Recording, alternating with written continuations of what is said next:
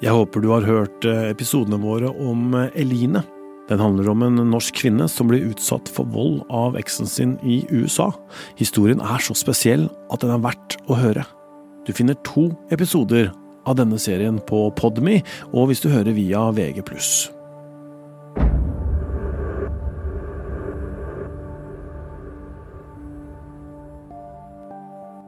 Det er en regnfull septembernatt i Bergen. 23 år gamle Sunniva Borgen har vært i bursdag til sin aller beste venninne, som blir 24. Midt på natta ringer Sunniva til mammaen sin. Sunniva er i godt humør. Og da, da ringte hun for å høre om vi hadde en flaske vin som de kunne låne eh, til det nachspielet. For jeg hadde sagt at jeg har en flaske hvitvin som er litt søt, så den kan du få. Men vina er allerede gitt vekk, forteller mammaen Siv Yndestad Borgen på telefonen. Sunniva svarer at det går fint, og at de klarer seg. Hun forteller hvor kjekt de har hatt det, og hvor fin kvelden har vært. Rett etter at de legger på, så sovner mor Siv igjen, vel vitende om at datteren har hatt en bra kveld. Neste gang hun blir vekka av telefonen, er det ikke datteren som ringer igjen, men noen andre som skal gi henne en tung og brutal beskjed. Sykehuset ringte fem på seks.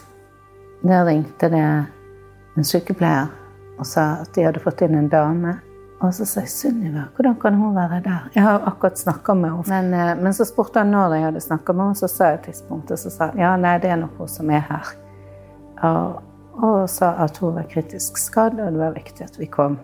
Mor Siv vekker faren til Sunniva, Arne Petter Borgen. Han har nettopp sovna. Det var bare å komme i klær og bare hoppe i bilen. Etter hvert så tror jeg nivået steg. Så da vi begynte å komme innover mot Haukeland, så og vi så noen røde lys, så eh, trafikklys så Det var jo ingen trafikk med her. Så vi kjørte på alt som var. Kjørte rett inn bakveien der så bare ambulansen går inn i, i akuttmottaket. Vi sto utenfor og skulle gjøre oss til kjenne. Så jeg husker jeg tenkte ok, nå må vi presentere oss. Og idet jeg skulle si hvem, hvem, vi var, så bare hørte de ropte bak.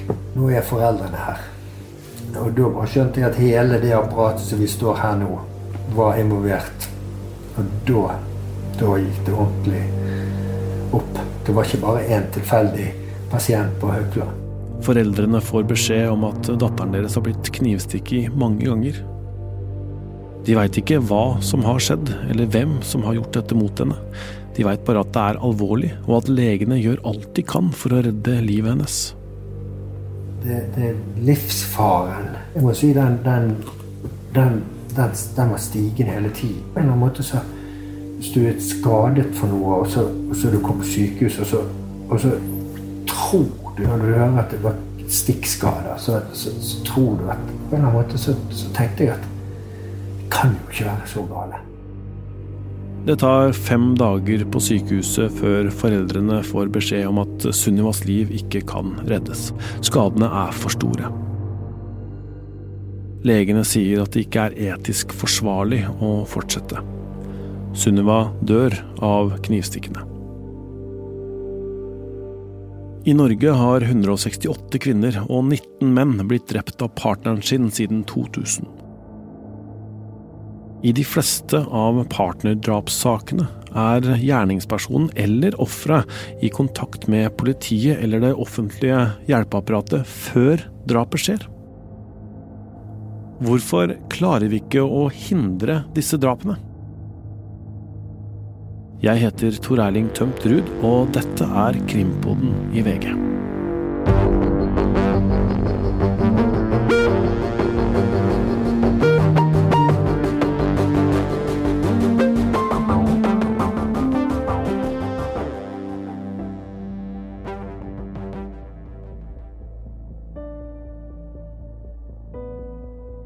Det er 11. september 2021.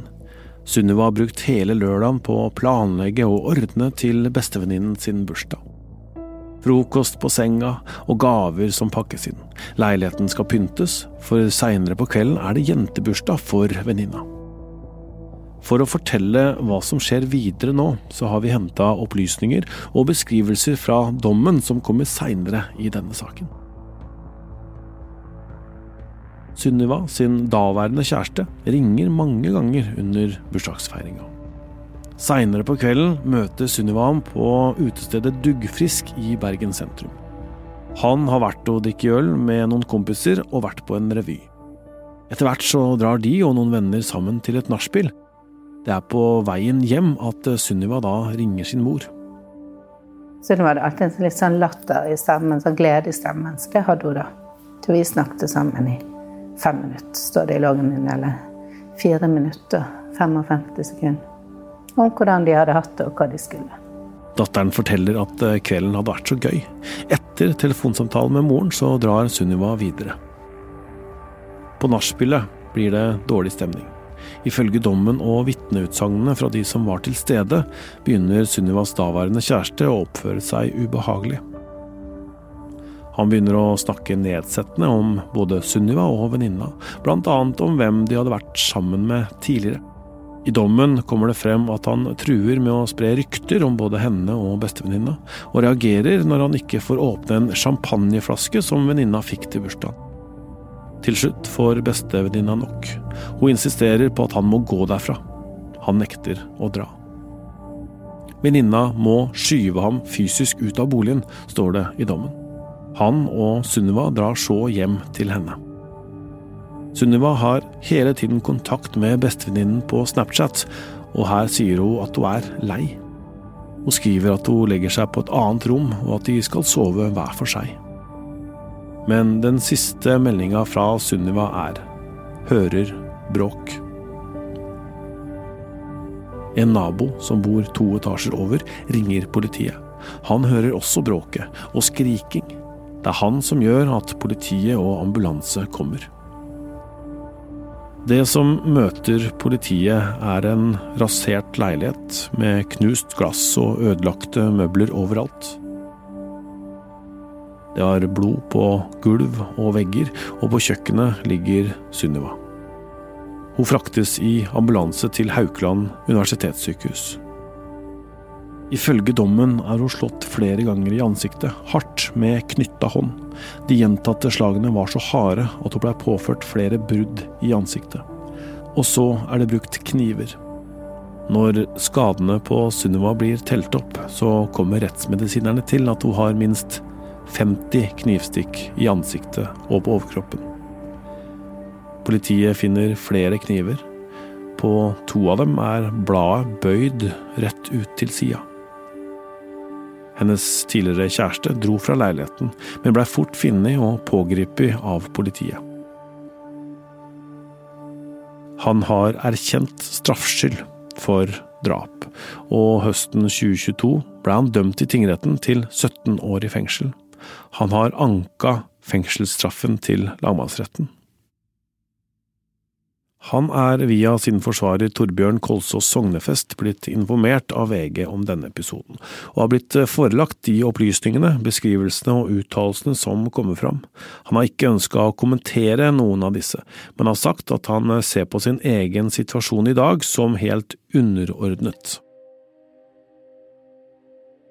Sunniva var Siv og Arne Petter sin eneste datter. Nå ønsker de å fortelle sin historie om hvem Sunniva var, og hva hun skal bli huska for. De ønsker å dele historien for å kunne bidra til at dette ikke skal ramme flere familier, kvinner og menn. Nå er jeg på vei opp en litt bratt bakke eh, for å besøke barndomshjemmet til Sunniva, der hun vokste opp med en lillebror, storbror og sine to foreldre. Det er Et stort, gult hus. Ja, og der blir jeg faktisk vinket inn av det som var Sunniva sin pappa.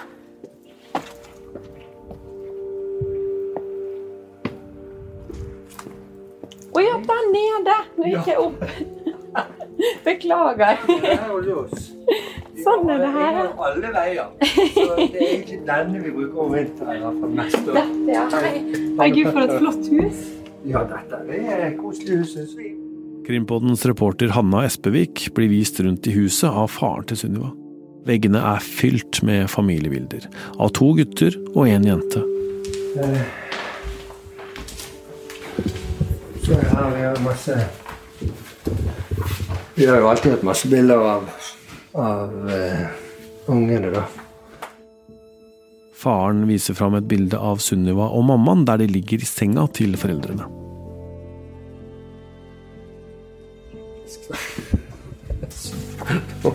Hun hoppet jo opp i sengen oss hvis det var sånn. Så, og så grov hun seg ned under, under dynen, og så, og så lå hun der. Og så storkoste hun seg. Dette er det her er min plass. Og så bare hoppet. Og det kunne hun gjerne gjøre hvis hun kom hjem fra byen eller et eller annet. Så hun var utrolig spontan og, og livlig. Så hoppet hun opp i sengen Ja, det noe. Det var jo ingen problem. Altså, her kommer jeg. Sant? Her er jo litt Litt av, av tingene som vi har igjen, da. Her henger kjolen. en av kjolene hennes da hun var liten. Eh, Er det en selskapskjole? det er Det er en eh, Ja, fra Spania. Så hun, hun fikk en gang da hun var liten. Kom alltid når hun kom hjem her når hun bodde, var flyttet ut. Sant? Så, så hørte hun det smalt i døren, og så, så ropte hun nærmest opp sånn 'Her er jeg!' så da var det bare å gjøre seg klar. Nei, men hun eh, var veldig frisk. Frisk og rask. Ja. Sunniva var jo født som eh, et menneske som var både veldig glad og, jeg tror, og veldig klok. Og sånn retrospekt så ser du at hun har vært veldig klok. Men, med en enorm vilje. Og, og det var en veldig utfordring da hun var liten. Hun var veldig viljesterk. Så det vi tenkte på, var veldig bevisst på at vi måtte hjelpe henne å kanalisere viljen på positive ting. Sånn at veldig selvstendig. Og sånn hun var i barnehagen, så, så det der med å kle på seg og gå ut og på utedress og ull og hue og vått og alt, men det gjorde hun sjøl da hun var ett og et halvt år. Og det var ingen som fikk lov å hjelpe, og hun mestra det kjempegodt. Men hun ville veldig mye. Så vi fikk jo beskjed når hun slutt, sluttet i barnehagen om at hun der kommer til å bli statsminister en gang. Klar melding. Så hun var, hun var utrolig eh, frempå. Hennes to brødre beskriver henne som en søster som alltid var der, og som var glad, positiv og engasjert. Sunniva hadde også mange venner som fortsatt kommer innom huset til foreldra for å minnes henne. De beskriver henne som sosial, omsorgsfull og skikkelig god venninne som alltid stilte opp. Foreldrene til Sunniva kjente ikke hennes daværende kjæreste særlig godt. De to hadde nemlig ikke vært sammen lenge før drapet. I ettertid har foreldrene også fått vite at de slo opp og blei sammen igjen en del ganger, som de tror er litt av grunnen til at de ikke møtte ham mye.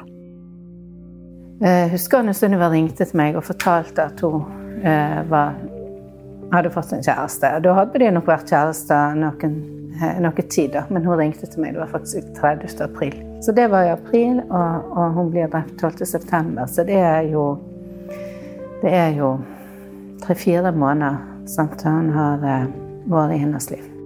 De første dagene på sykehuset visste ikke foreldrene hvem som hadde knivstikket datteren deres. Samtidig visste de jo hvem hun hadde vært sammen med den kvelden, og mistenkte fort at det kunne være den daværende kjæresten. Eh, Det var jo det vi hadde resonnert oss fram til. Men det var jo en voldsom overraskelse at han hadde gjort det mot Sunniva. Det var absolutt ikke noe vi kunne ha visst eller forventa eller på noen, sinne, noen måte kunne, kunne forutse. Og det har òg vært veldig viktig for oss å si til alle som har visst mer enn oss om det med sjalusi. Eh, og noen har sagt at vi skulle sagt det til dere. Vi hadde jo ikke kunnet gjort noe med det. Ingen kunne ha endra på det. fordi det er mange personer som er litt sjalu, men de går ikke rundt og dreper folk av den grunn. Og, du, og det, er ikke, det, er, det er kun drapsmannen som er ansvarlig for at han har drept Sunniva. Forholdet mellom Sunniva og den daværende kjæresten er av venner beskrevet som turbulent.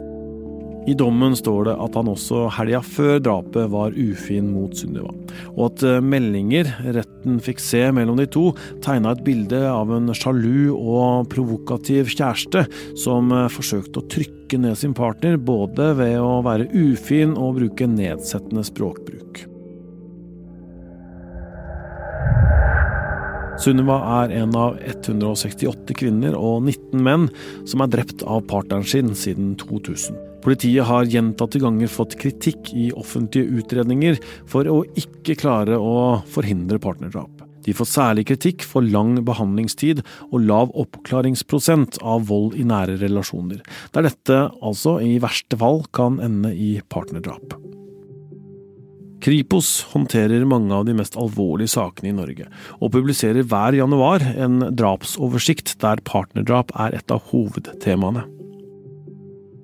Krimpodens reporter Hanna har dratt ut til Vibeke Skei Syversen, som leder voldsseksjonen ved Kripos, for å få et innblikk i hvordan politiet og Kripos jobber for å forhindre partnerdrap.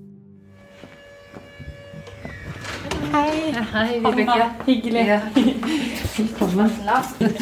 Bli med her, det. Jeg tenkte at vi sitter avhørs, avhørsrommet er ikke brukt, så da kan vi sette oss der, for det er litt roligere. Eh, Drapsoversikten har vi ført i over 30 år, og det er en oversikt over drap som begås i Norge. Og det er sånn hver gang vi gir den ut, så tenker vi alltid Eller vi har Hva skal jeg si, det er jo mennesker vi snakker om. Ikke sant? Vi kan kalle det oversikt eller statistikk, men det er liksom skjebner og mennesker det er snakk om. Det er få drap i Norge. Altså det er relativt få drap i Norge, og det er et, trygt land. Og, men det betyr også at når det er få drap, så vil jo noen enkeltfaktorer gir stort utslag i en oversikt. Da. Så det er viktig for oss å se det over lang tid, sånn at vi greier å fange trender og tendenser. Men det må vi gjøre over tid, for så å kunne sette inn typ forebyggende tiltak. da. Og hva kan du si om hva statistikken sier om partnerdrap? Partnerdrap, eh, sånn som i 2022, så utgjorde det en fjerdedel av, eh, av sakene. Det har vært litt lavere en periode, så nå er vi jo tilbake egentlig da vi var på 90-tallet. Men det er liksom, som jeg sa, det er eh, små tall som gir store utslag. Og jeg tenker også litt sånn det vi vet om drap i Norge sånn generelt, er jo at det begås av menn. Det skjer jo i private hjem brukes ofte kniv, og at, at offer og gjerningspersonen kjenner hverandre. Og det er, liksom, det er jo også sånn med partnerdrap. Det skjer også oftere hjemme enn det det gjør med drap ellers. Og det brukes også kniv. I 2018 blei en offentlig utredning som blei kalt Partnerdrapsutvalget oppretta. De gikk gjennom partnerdrapene i Norge og skulle gi anbefalinger som kunne bidra til å forebygge slike drap i framtida. Et av funnene var også at politiet og hjelpeapparatet i mange saker var klar over at gjerningspersonen fra før av utgjorde en trussel og utøvde vold mot partner. Det er liksom forholdsvis lavt antall med drap i Norge. Og da andelen partnerdrap da, den utgjør en stor andel av drapene i Norge. Som i andre land, ja, sånn som f.eks. Sverige nå, så vil nok ikke andelen partnerdrap være så stor for de, f.eks. Så det betyr jo egentlig at i utgangspunktet så i det offentlige rom eh, greier vi å forebygge ganske godt, men i det private hjem så det, har vi større utfordringer. Hva er det politiet gjør for å forebygge at eh, partnerdrap skjer, da? Det er jo, Dette er jo et prioritert område hos politiet, og som vi må ha kunnskap om, som vi også får gjennom drapsoversikten. Vi får mer kunnskap, og denne kunnskapen brukes jo i ulike offentlige utredninger, forskning osv. Men vi trenger kunnskap. Etter eh, ja, den varslede drap, den offentlige utredninga, så ble det jo påpekt vi har verktøyene, men de brukes ikke godt nok. Det er jo det det egentlig eh, sies der. Og det kan jo være sånn typisk å bruke besøksforbud. Og også sånn som Riksadvokaten har sagt nå, at det, og brudd på besøksforbud må følges opp omvendt voldsalarm f.eks. At ikke belastninga legges på offeret, men at den legges på eh, voldsutøver. Eh, sånn at eh, alarmen går der når han eh, nærmer seg henne. Eh, sånn at belastninga legges der. Og så er det også å bruke Vi har et risikoverktøy. Og det, å, og det også forbedres. Men vi må ha et fokus på det, og vi må snakke om det. Jeg syns det er bra at dere har denne poden her også, at vi må snakke om det. For vi ser at det, det sitter langt inne å melde fra om det. Eh, og så når vi vet også at mange av disse drapene er varsla, altså hjelpeapparatet har visst om det, så må vi også ha et hjelpeapparat som kan deale med det. Og som er gode på å følge opp. Og da også det risikoverktøyet. Politiet har en viktig del av det, da. Undersøkelser viser at dette risikoverktøyet ikke er brukt i 70% av partnerdrapene, til tross for at dette er pålagt ved anmeldelse av vold i nære relasjoner. Verktøyet skal hjelpe politiet til å vurdere hvor farlig voldsutøver er, for å i verste fall kunne avverge partnerdrap. Familien til Sunniva roser sykehuset, politiets innsats og hjelpen de har fått. Familien og venner har slått ring rundt dem, og de har fått mye kjærlighet i sorgen. Samtidig sitter de igjen med flere spørsmål.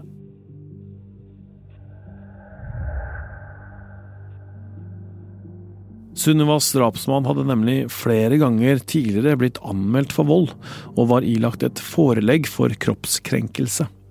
Etter drapet på Sunniva blei også siktelsen mot ham utvida.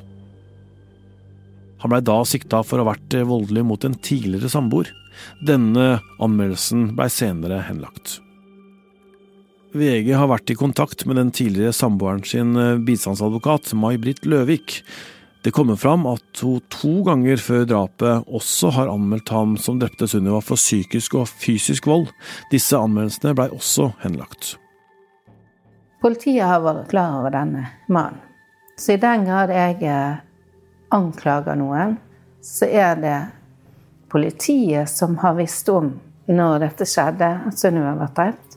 Så viste det seg de hadde fått inn en anmeldelse som de ikke hadde etterforska. De begynte å etterforske han etterpå, og så ble han henlagt. Og da kan vi, jeg kan stille meg spørsmålet hvorfor er den henlagt? Er det fordi de i utgangspunktet gjør for dårlig arbeid, og de tør ikke å stå ved det? Sånne spørsmål det tillater meg å stille. Den saken der har, ble anmeldt nettopp fordi at det var noen som mente at han er farlig. Han og noen gjør noe med. Foreldrene tror ikke og mistenkte aldri at han utførte noen form for fysisk vold mot Sunniva. Samtidig er det at han var anmeldt for andre forhold, noe som plager foreldrene, da de opplever at politiet ikke tilstrekkelig har fulgt opp disse anmeldelsene, med lang behandlingstid. Denne oppfatningen deler også den tidligere samboeren som anmeldte ham for vold. Når vi vet at det fins kjente ting og anmeldelser som ikke blir tatt tak i, så er det svært alvorlig. Og Det syns jeg er et veldig viktig budskap fra meg. VG har snakka med Vest politidistrikt om behandlingen av disse anmeldelsene, og tidligere kjennskap til han som drepte Sunniva. Vest politidistrikt forstår at foreldrene stiller spørsmål med politiets håndtering, men sier at de ikke hadde kunnskap om forhold som kunne gitt dem mulighet til å gripe inn og stanse domfelte.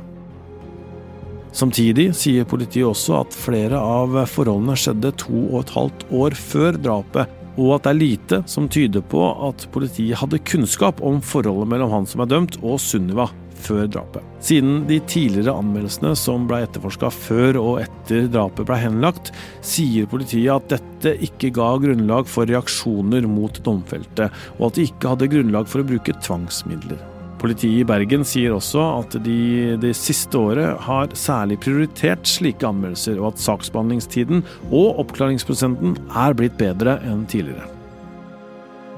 Det ga jo en indikasjon på noe. Men nå må vi jo også si at det hadde ikke betydd egentlig at dette ikke hadde skjedd. Vi kan ikke sette noe sånt. Det vet ikke vi, men det kan Nei, men det, det for... være, Men det er klart, du, du kan stille spørsmålet. For der er det noe som kunne vært gjort noe med. Det var en indikasjon på at noe ikke var, var riktig. Det er veldig rart at ikke, at ikke det ble tatt tak i det. Hvis, altså Når det lyser en lampe, så lyser det en lampe. Nå lyser det sikkert mange lamper rundt omkring, så det er, ikke, det er nok ikke så lett å vurdere. Men, men det er noe med akkurat denne typen. Så et fokus på å ta på alvor sånne, sånne saker, det, det, tror jeg er, er i hvert fall et steg på veien tenker at dette er òg et samfunnsansvar. Det er samfunnsansvar for politikere og for andre å bevilge nok penger til politiet til at de kan prioritere disse sakene. Samtidig syns de ikke at politiet bare kan skjule seg bak at Nei, vi har ikke nok ressurser til at vi kan prioritere det. Dersom de virkelig mener at vi skal forebygge alvorlige saker, drapssaker, Riksrevisjonen har også gått gjennom hvordan politiet håndterer vold i nære relasjoner, og konkluderte i 2022 med at situasjonen er alvorlig. De har da sett på politiet i hele landet, og ikke bare politiet i Bergen. Riksrevisjonen sier at eh, politiets saksbehandlingstid er lang, at oppklaringsprosenten av sakene med vold i nære relasjoner har gått ned, og at verktøyene politiet skal bruke, ikke benyttes i alle partnervoldssaker. Riksrevisjonen konkluderer med at dette i ytterste konsekvens handler om svikt i å avverge at mennesker blir drept.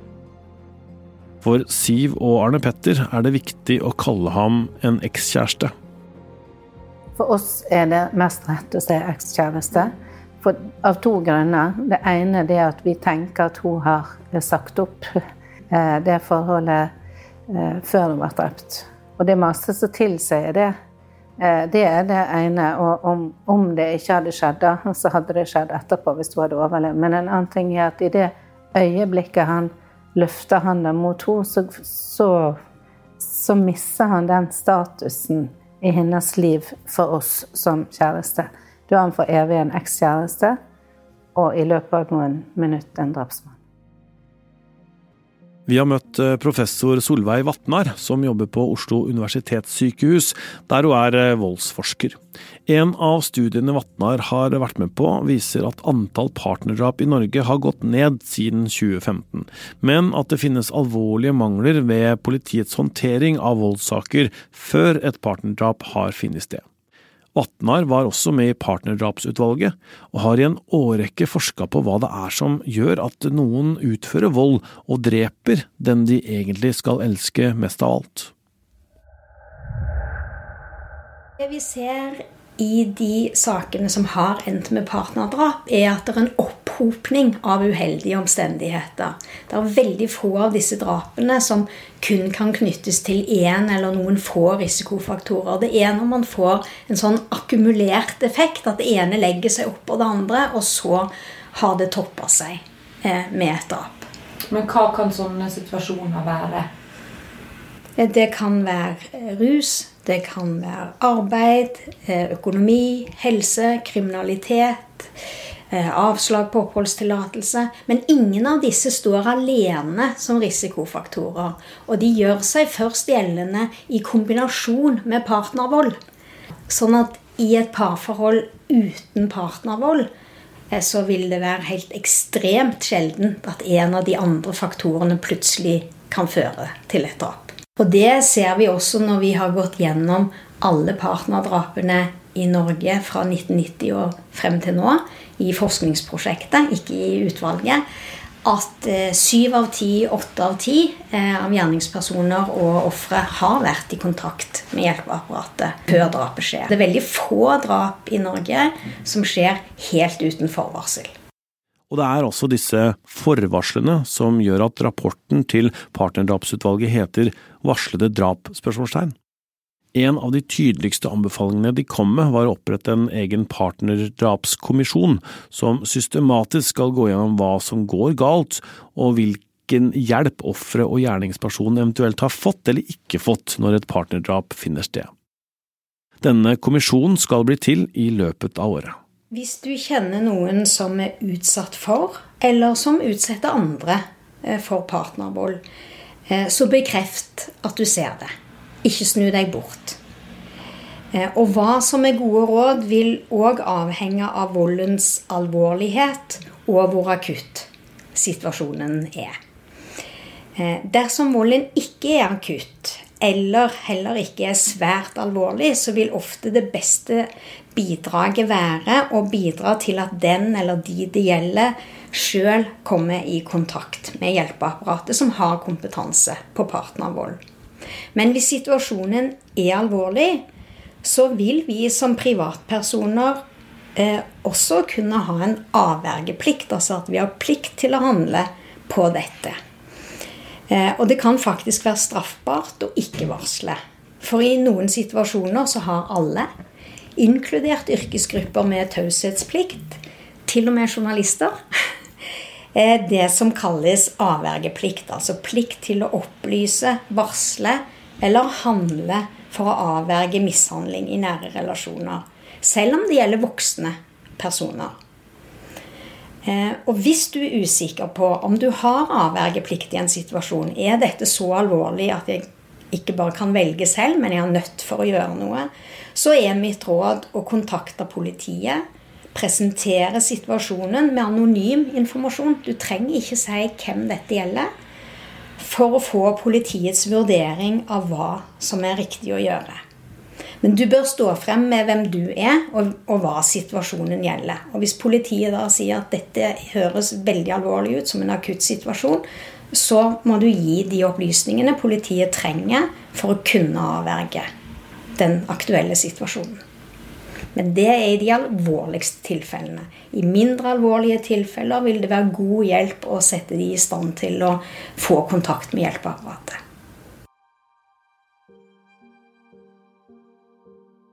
I sommer blei foreldrene til Sunniva besteforeldre. Dette har hjelpa i sorgen, men det er også vanskelig blitt en fantastisk tante. Og det er jo vi veldig lei oss for. At ikke hun får ta en del av. Hun er et flott lite menneske som vi er veldig glad for. Hun er en av de store gledene, selvsagt. Samtidig som vi òg har disse flotte guttene våre, som òg er masse glede i. Så vi har mange gode ting.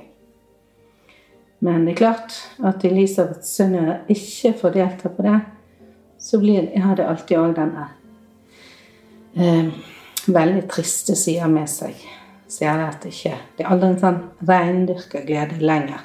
Jeg må bare ta en dag om gangen. Og så tenker jeg òg at jeg lever med drapet med Sunniva. Jeg lever i en kontinuerlig eksistensiell krise.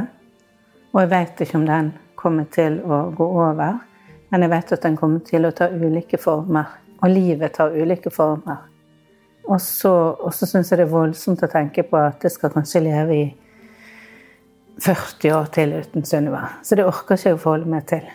Men jeg må snu på det, så jeg tenker at jeg skal kanskje leve i veldig mange år med de andre. Ungene og alt. Og da er det positivt.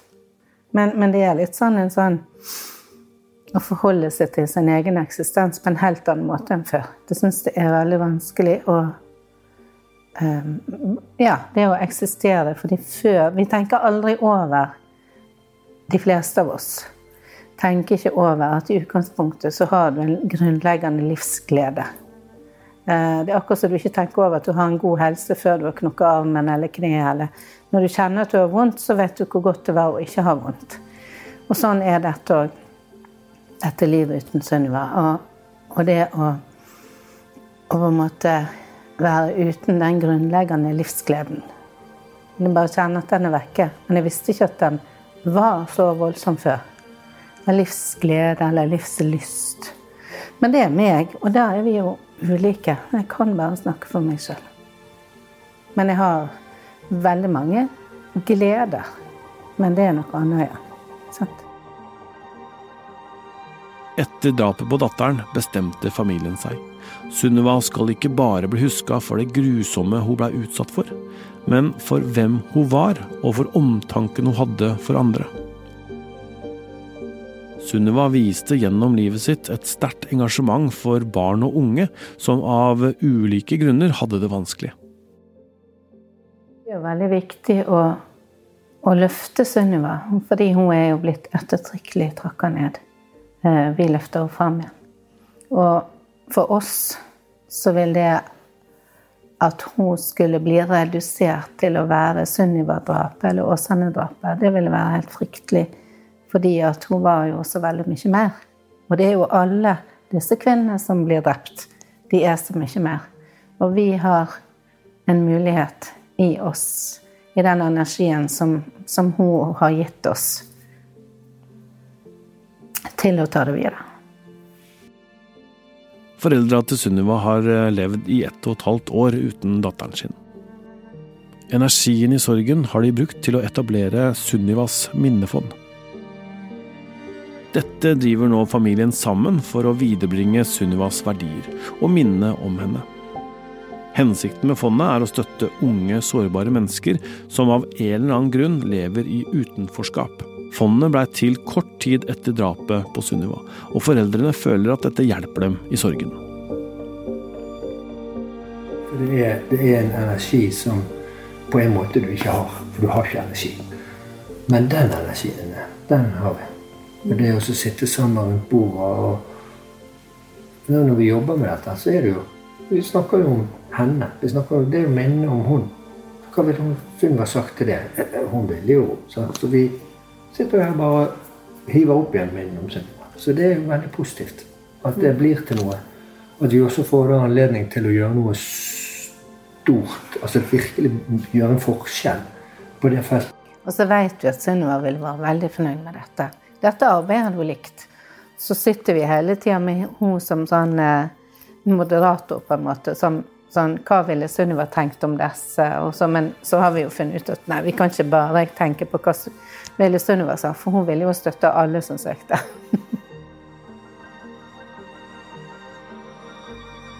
Hvis du eller noen du kjenner blir utsatt for overgrep eller vold, eller du er bekymra for at noen du kjenner gjør dette mot andre, så kan du ringe voldstelefonen på 116 006.